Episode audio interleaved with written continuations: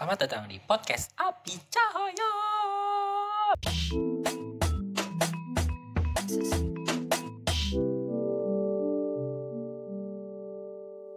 Mencahayakan dengan berapi-api. Ya di ah, episode ke-22 uh, podcast Api Cahaya. Terima kasih sudah mengklik, terima kasih sudah berkunjung.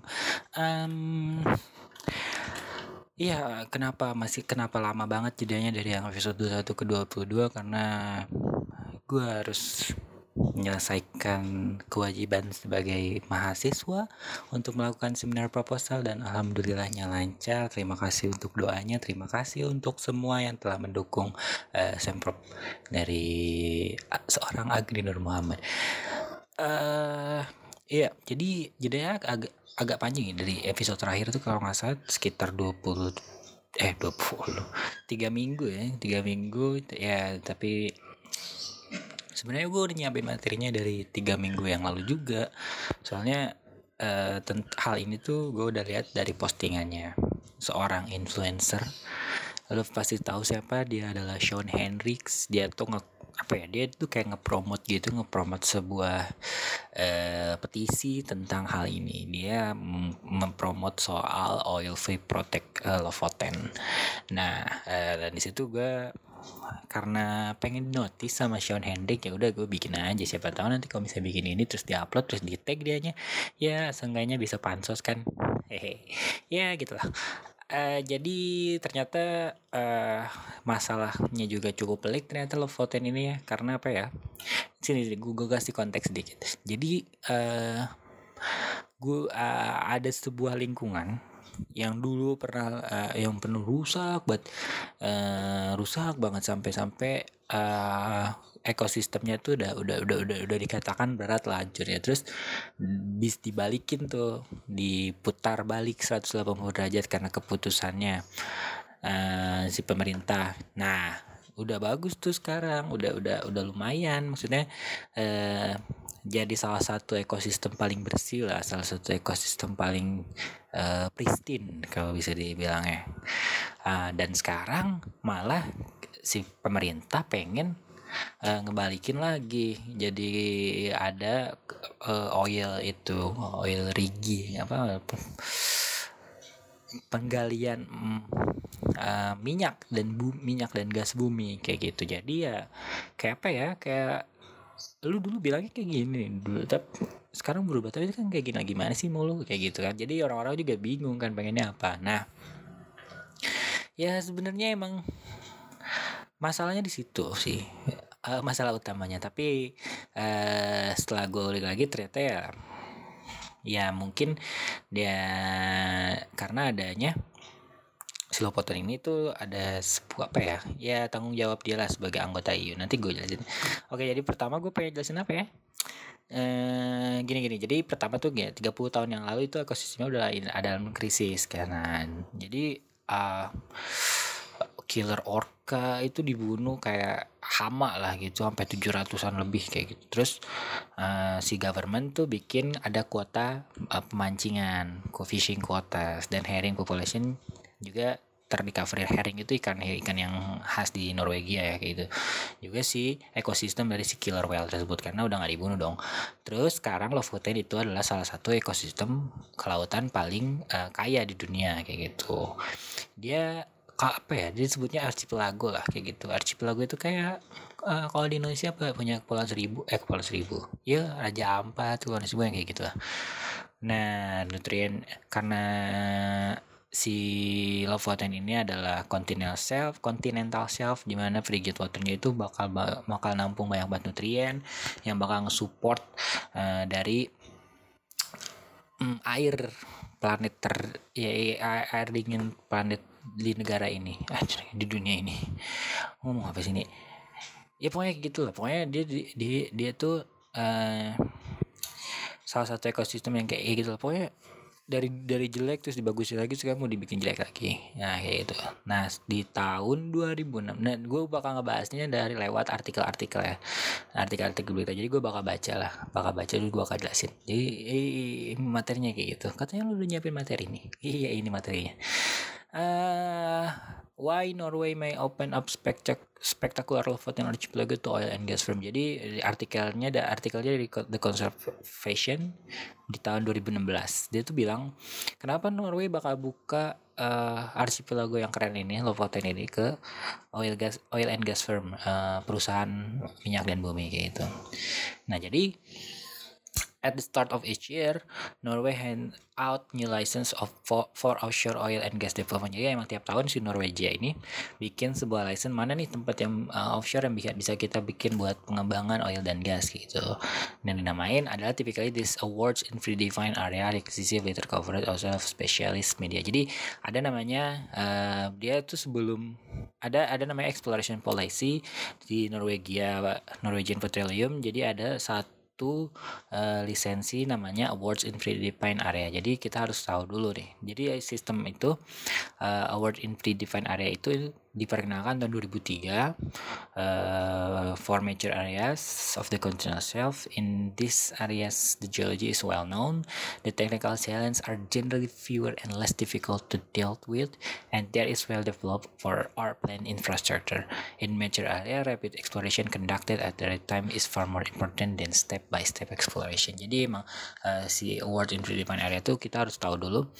Um, area ini tuh udah kita tahu lagi geologinya kayak gimana terus uh, kalau misalnya kita bikin di sana technical technical challenge tuh kayak uh, hambatan teknikalnya lah yang teknikalnya itu gimana sih apa gampang apa susah. Nah, less to deal with. Ya, itu juga uh, less difficult to deal with tuh kayak membuat sebuah perjanjiannya lebih gampang. In metro areas conducted at the right time is far more important than step by step exploration.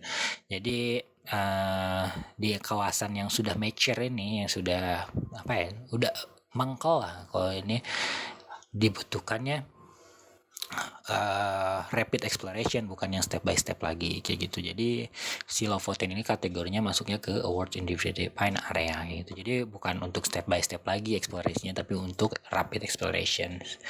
Terus uh, tap di tahun 2016 ini uh, ada yang kontroversi lagi karena si energi ministernya si uh, Kementerian Energinya dia berkata bahwa uh, environmentally sensitive Lofoten Island itu si Lofoten ini must at some point come into play. Dia mau gak mau harus kita gunakan.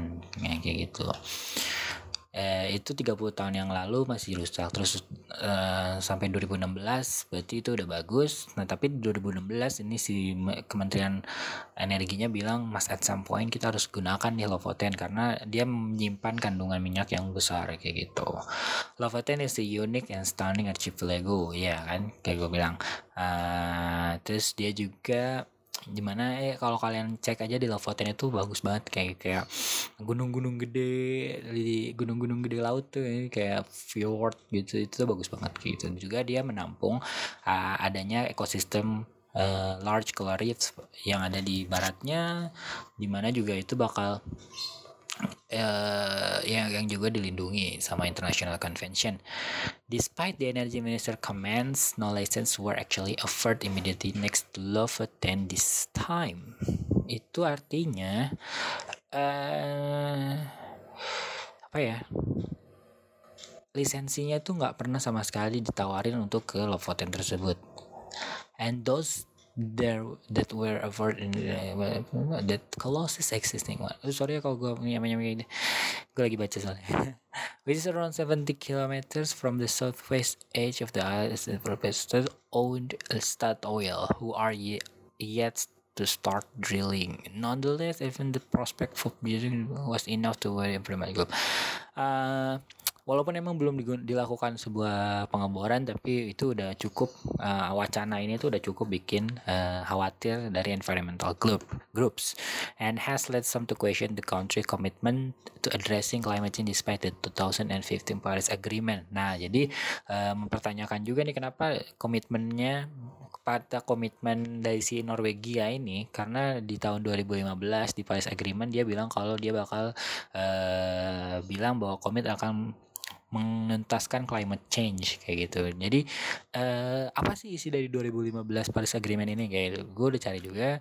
Jadi summary-nya tuh uh, 195 ini ya ini summary dari Paris Agreement 2015 uh, dilakukan tanggal 20, 12 Desember 2015 196 partai uh, yang ada di UN Framework Convention on Climate Change atau UNFCCC uh, dia bilang bahwa bakal melakukan international coordination uh, to tackle climate change. Itu yang pertama. Yang kedua uh, perjanjian itu telah mengestablish global warming goal of below 2 degree Celsius on pre-industrial averages bahwa akan apa ya akan menahan bahwa jangan naik lagi suhu dunia ini sampai 2 derajat Celsius lagi kayak gitu. Terus the Paris Agreements defines a universal legal framework to strengthen the global response to the threat of climate change. Tuh yang ketiga. Ya udah ngomong uh, climate change banyak tiga kali. Terus yang keempat, Paris Agreement juga puts emphasis on process rather on defined mitigation goals. Uh, terus yang kelima, Paris Agreements juga recognize the different starting point and responsibility of countries. Jadi juga Paris Agreement juga ngerti nih ke mereka eh, negara-negara ini kan starting pointnya beda-beda. Ada yang negara berkembang, ada yang negara maju dan juga pertanggung jawabnya di negara-negara tersebut. Nah, kayak gitu. Uh, mungkin karena Norwegia salah satu negara yang cukup besar juga pasti uh, starting pointnya juga udah tinggi, dan responsibilitasnya juga udah gede di uh, Paris di komitmen di di di komitmen Paris Agreement ini. Ya Paris Agreement iya Paris Agreement ini persetujuan Paris ini. Hmm, komitmen sih. The initially yang ke yang selanjutnya itu nomor berapa ya? The initially committed and this is fall short of the current ambition jadi jangan melihat ya overall goalnya intinya kayak gitu jadi untuk men-tackle down climate change. Sedangkan itu yang 2015 di 2016 malah bilang bahwa kita harus menggunakan low laten jadi apa ya ada backlash lah dari pernyataan dari si Kementerian Energi energinya Norwegia. Kenapa harus low laten pertanyaannya kayak gitu. Uh, jadi uh, the collapse in oil prices over the past two years has delayed or cancelled many expensive new projects around the world. Lofoten has emerged as a cheap alternative as the island are close to mainland and the surrounding waters are relatively shallow. Nah, jadi uh, di 2016 berarti 2000, 2014 2015 ini tuh harga dari si oil ini lagi turun-turun banget karena bah lagi turun-turun banget nah. Jadi mengcancel banyak proyek uh, gede dari seluruh dunia. Nah, si Lofoten ini naik karena dia alternatif yang murah. Karena pertama uh, pulau-pulaunya kepulauannya itu dekat sama mainland atau daratan dan juga uh, water surroundingsnya itu atau kedalaman lautnya yang mengelilingi dia uh, relatively shallow atau dangkal. Jadi emang kalau misalnya dilakukan ke sana, kayak gue bilang tadi dia APA atau area different uh, uh, award the predefined area yang udah bilang kalau geologi di sana juga cukup bagus dan less difficult technical. Nah, uh, itu karena itu karena itu tadi karena uh, dekat sama daratan dan juga kedalaman waternya atau kedalaman lautnya itu dangkal. Nah, drilling in the area was prohibited under Norway's 2006 Management Plan for Sustainable Use of the Barents and Norwegian Seas. Sebenarnya udah udah udah dilakukan um, apa ya namanya uh, agreement atau uh, hukum enggak, enggak hukum juga pokoknya udah dilarang lah udah dilarang udah, udah di oh ya manajemen plan. Berarti ada, ada udah Norway itu tahun 2016 udah 2006 sorry. Udah punya manajemen plan for sustainable use untuk keberlangsungan penggunaan apa ya keberlangsungan dalam penggunaan si water si laut Baren sama laut Norwegia dan di situ 2002 2006 aja udah dibilang kalau misalnya pengeboran udah nggak boleh di sana but the resources are hard to ignore tapi emang resource-nya gede banget di sana there are estimated 1.3 billion barrels of oil in Lofoten and neighboring Pastralen and Senja. By comparison, the UK's entire resources are estimated to be up to 21 billion barrel. Jadi emang uh, kita nggak bisa apa ya kita nggak bisa nolak bahwa emang gede banget resource yang ada di Lofoten tersebut. Sekitar 1,3 1,3 billion barrel atau 1,3 miliar barrel uh, ada di Lofoten sama daerah sekitarnya yaitu Verstalen dan Senja. Uh, dengan perbandingannya sama UK sama United Kingdom atau Inggris kerajaan Inggris dia tuh punya resources oil itu 21 billion barrels. Jadi ya itu satu negara dibanding hanya satu archipelago. Dia um, perbandingannya ya sekitar 21 itu ya sekitar 20 kali 20 kali lipat. Tapi itu udah, udah udah banyak banget. Itu hanya daerah kecil kayak gitu In 2013, Norway's Labour Prime Minister Jens Stol, uh, Stoltenberg supported an impact assessment study on development in the area, but following the election that year, the new conservative-led coalition agreed not to drill in this area around uh, the protected island of Jan Mayen or in the so-called high Arctic region. Di tahun 2013, uh, Norway's Labour Prime Minister Jens Stoltenberg.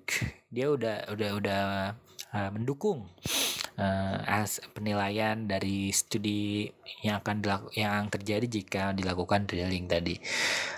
Dan mereka udah setuju kalau misalnya uh, uh, Jen jadi kalau misalnya si Labour Prime Ministernya itu udah setuju kalau misalnya udah nggak dilakukan uh, dilakukan sebuah sebuah pengeboran di sana. Nah, with the conservative still in power, opening up Lofoten would represent a backtrack. Yes, in not just a Lofoten, this round of exploration license would also notable for the number offered in the Norwegian Sea, 24 out of uh, total 56 with the 27 in the North Sea and 5 in the Balance Sea. This is the highest number since the current system was introduced. It highlights the financial difficulties facing oil and gas companies, but also suggests a change in the geography of Norwegian oil and gas development. Jadi uh, dengan kekuatan konservatif yang masih ada, konservatif, konservatif uh, membuka Slovakian ini bakal mem membuat backtrack lah karena uh, dia bilang mbak dia bilang karena tadi uh, license exploration license dari si exploration policy-nya Norwegia ini ini yang tertinggi lah. 24 dari total 56 itu uh, tujuhnya ada di laut yaitu hmm, nilai tertinggi. Nah konservatif ini jadi bukan konservatif ini ya apa bukan konservatif apa ya namanya eh konservatif kayak penduduk konservatif yang apa bigot kayak gitu bukan. Tapi konservatif kayak partainya itu partai yang ada di parlemen uh, Norwegia yaitu. Uh, pada akhirnya kes, uh, kesimpulannya environment atau ekonomi. Uh, sebelumnya gue mau kasih tahu dulu kalau misalnya jadi di uh, Norwegia itu sistem negaranya kan parlemen. Dia namanya Storting Storting Stortinget Stortinget gitu jadi ada 169 member uh, government ada 169 kursi di mana uh, ada dua kubu government sama opposition. Nah di government itu ada empat party, ada conservative party, ada progress party, ada liberal party, sama Christian Demo Democratic Party. Nah di opposition ada 81 seats, dia ada Labour Party sebagai yang terbesar, Center Party, Socialist Left Party, sama Green Party, sama Red Party. Nah kayak gitu. Jadi itu sistem negaranya dulu biar biar biar ada gambaran lah. Uh, gimana Norwegia bekerja dalam membuat sebuah keputusan. Hampir sama kayak Inggris, parlemen juga sama uh, di sini yang terbesarnya di government ada Conservative Party sama opposition part opposition yang terbesarnya adalah Labour Party. Jadi itu dua itu biasanya bakal apa yang ngasih suara terbanyak lah dalam keputusan dari Norwegia, negara Norwegia. Uh, terus, however, the lack of revision infrastructure built and some disappointing result of smaller than expected oil discoveries mean the oil the, the economic they are challenging. Jadi emang uh, turunnya di harga uh, minyak bumi itu emang benar-benar berpengaruh lah. Uh, apalagi ya balas dan pokoknya dari uh, ini ya uh, jadi emang pergerakan ini oil free Lofoten ini emang datangnya dari si uh, Labour Party tersebut dari oposisi. Sedangkan yang government yang konservatif party itu bilangnya uh, kita tuh harus bikin karena kita uh, environment eh ekonomi kita lagi turun kayak gitu. 2015 aja kita uh, 852 billion sovereign wealth fund divers from coal power and move uploaded by climate activity uh, kita apa ya komitmennya ya justru komitmennya yang salah datangnya dari government. Government kayak gitu. Uh, itu hanya satu minggu setelah Paris deal kayak gitulah itu pokoknya uh, negara parlemen tuh kayak gitu loh. Kadang bilang kayak gini tiba-tiba besoknya bilang kayak gini. Even though development element is unlikely in the near future, the minister comments uh, ini ini penutupnya ya, dari artikel ini. Even though development at Lofoten is unlikely in the near future, the minister comment on opening the area up at some point could be reflective of a wider trend across the world. Jadi bilangnya ini nanti mungkin uh, dalam nggak mungkin nggak mungkin nggak bakal terjadi dari dekat-dekat ini, tapi pembukaan dari sebuah area uh, yang dilindungi itu bakal jadi tren di yang akan meluas di seluruh dunia. For all the big talk about fighting climate change, the basic truth remains. Oke okay lah, kita bakal ngomongin banyak uh, apa ya pembicaraan soal mengenai fighting climate change. Tapi basic truth remains. Ini kata si ini ya kata Minister Energy future production of oil and gas is central to Norwegian economy. Dia emang uh, concern banget ke ekonominya si uh, Norwegia yang oil yang sangat bergantung pada oil dan gas while the EU will still want a secure supply of these fossil fuels especially, gas. Sedangkan si EU European Union dia bilang pengen nge, apa ya ngamanin supply dari fossil fuels yang mana di sini adalah gas bumi. Yaitu dari artikel dari si uh, conservation. So, converse con, conver, conversation conver, conversa conversation. Sorry bukan conservation. Astaga. Itulah pokoknya. Uh, semoga kalian pak semoga kalian mengerti apa yang gue bicarain. Intinya dia emang uh, ya pergunjingannya atau per per, per, per, per ininya ya di di sana. Antara government sama opposition tentang uh, apa ya tentang hal itu tadi. Oil oil oil ini boleh nggak sih di sini melakukan oil ini Nah, di tahun 2018, 2019, uh, Labour Party di tahun 2019 berarti ada tiga tahun nih. Labour Party, country's biggest force in parliament and long-time backer of the industry, decided on Saturday to stop pushing for oil exploration offshore the sensitive Lofoten Island in Norway's Arctic. Nah, jadi si oposisi ini yang uh, sebagai partai buruh atau Labour Party ini pasti mendukung tentang industri, industri, industri. Decided nih uh, untuk mengstop dari oil exploration which which mean uh, this is a good thing karena uh, aneh nih datangnya dari opposition.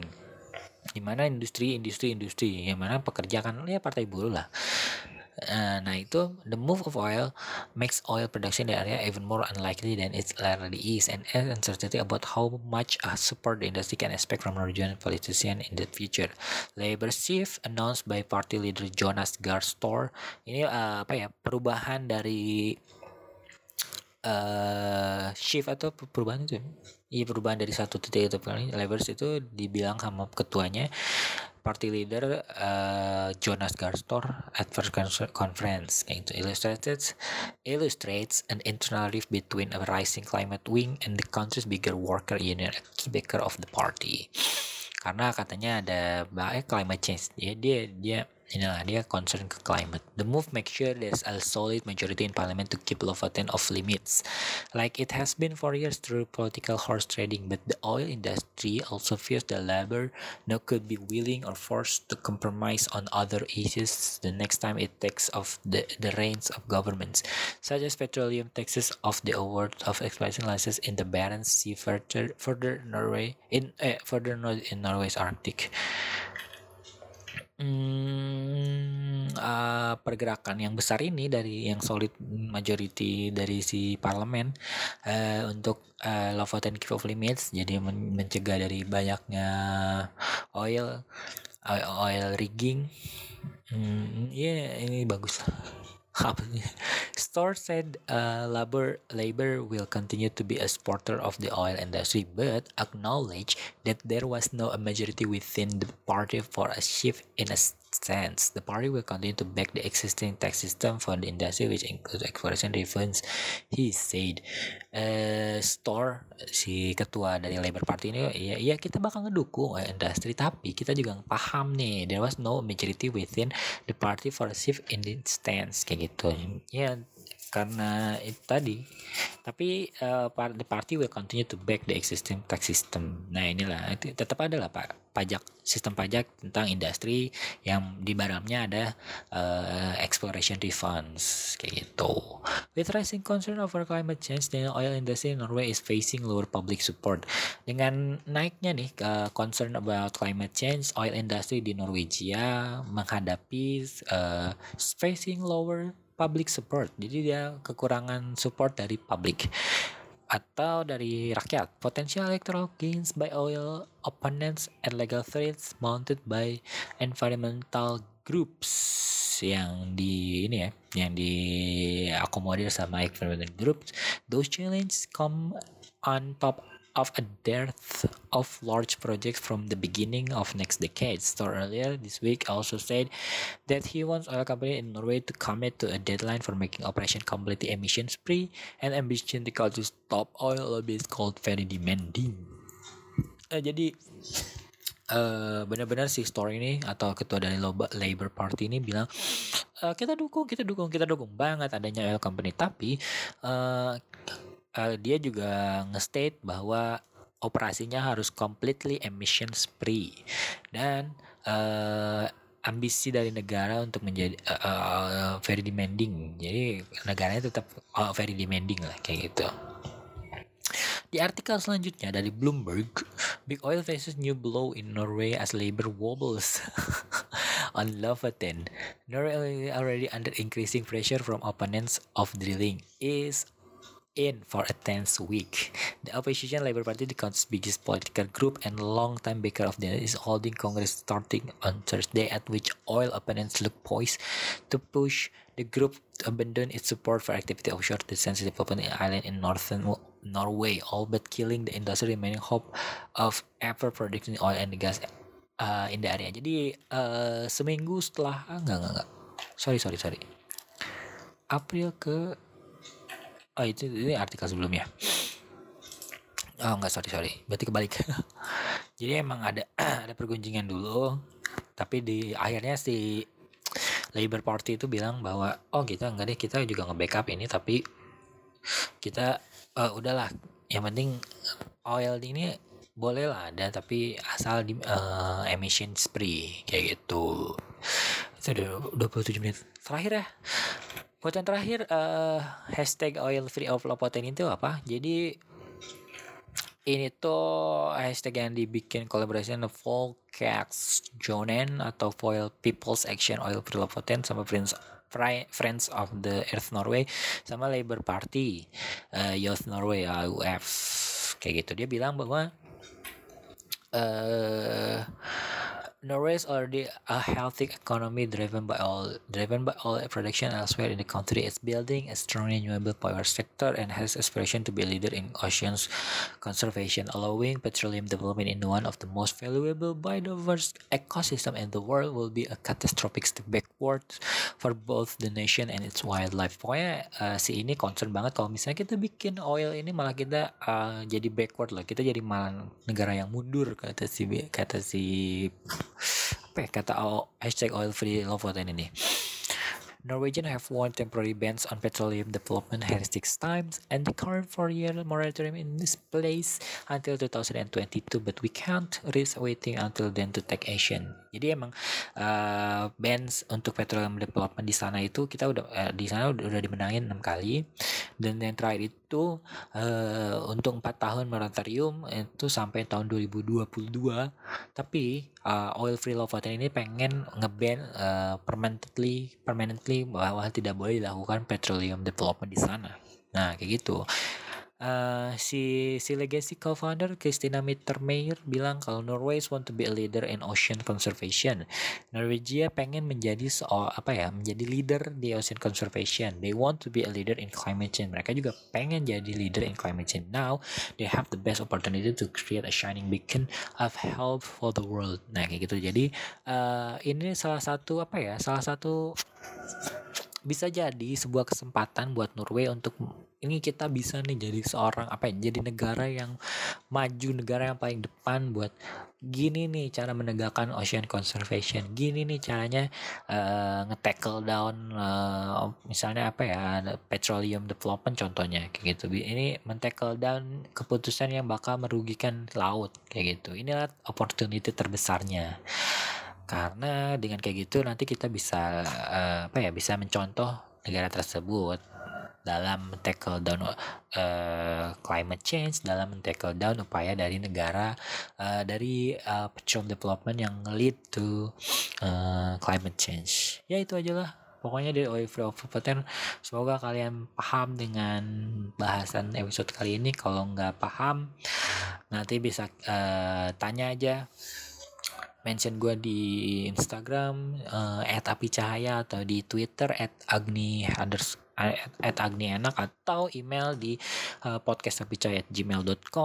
Uh, gue tunggu tanggapan kalian, gue tunggu respon kalian, gue tunggu masukan kalian, gue tunggu pertanyaan kalian juga. Semoga aja episode kali ini bisa memberikan sebuah pencerahan bagaimana kita bisa tahu negara memutuskan uh, bagaimana uh, jika dihadapkan kepada keputusan bagaimana uh, uh, apa ya membuat keputusan gimana kita tetap ideal idealis untuk menegakkan onshore conservation tapi juga kita juga bisa melihat gimana uh, negara ber, uh, parlemen bekerja dalam menentukan sebuah uh, keputusannya.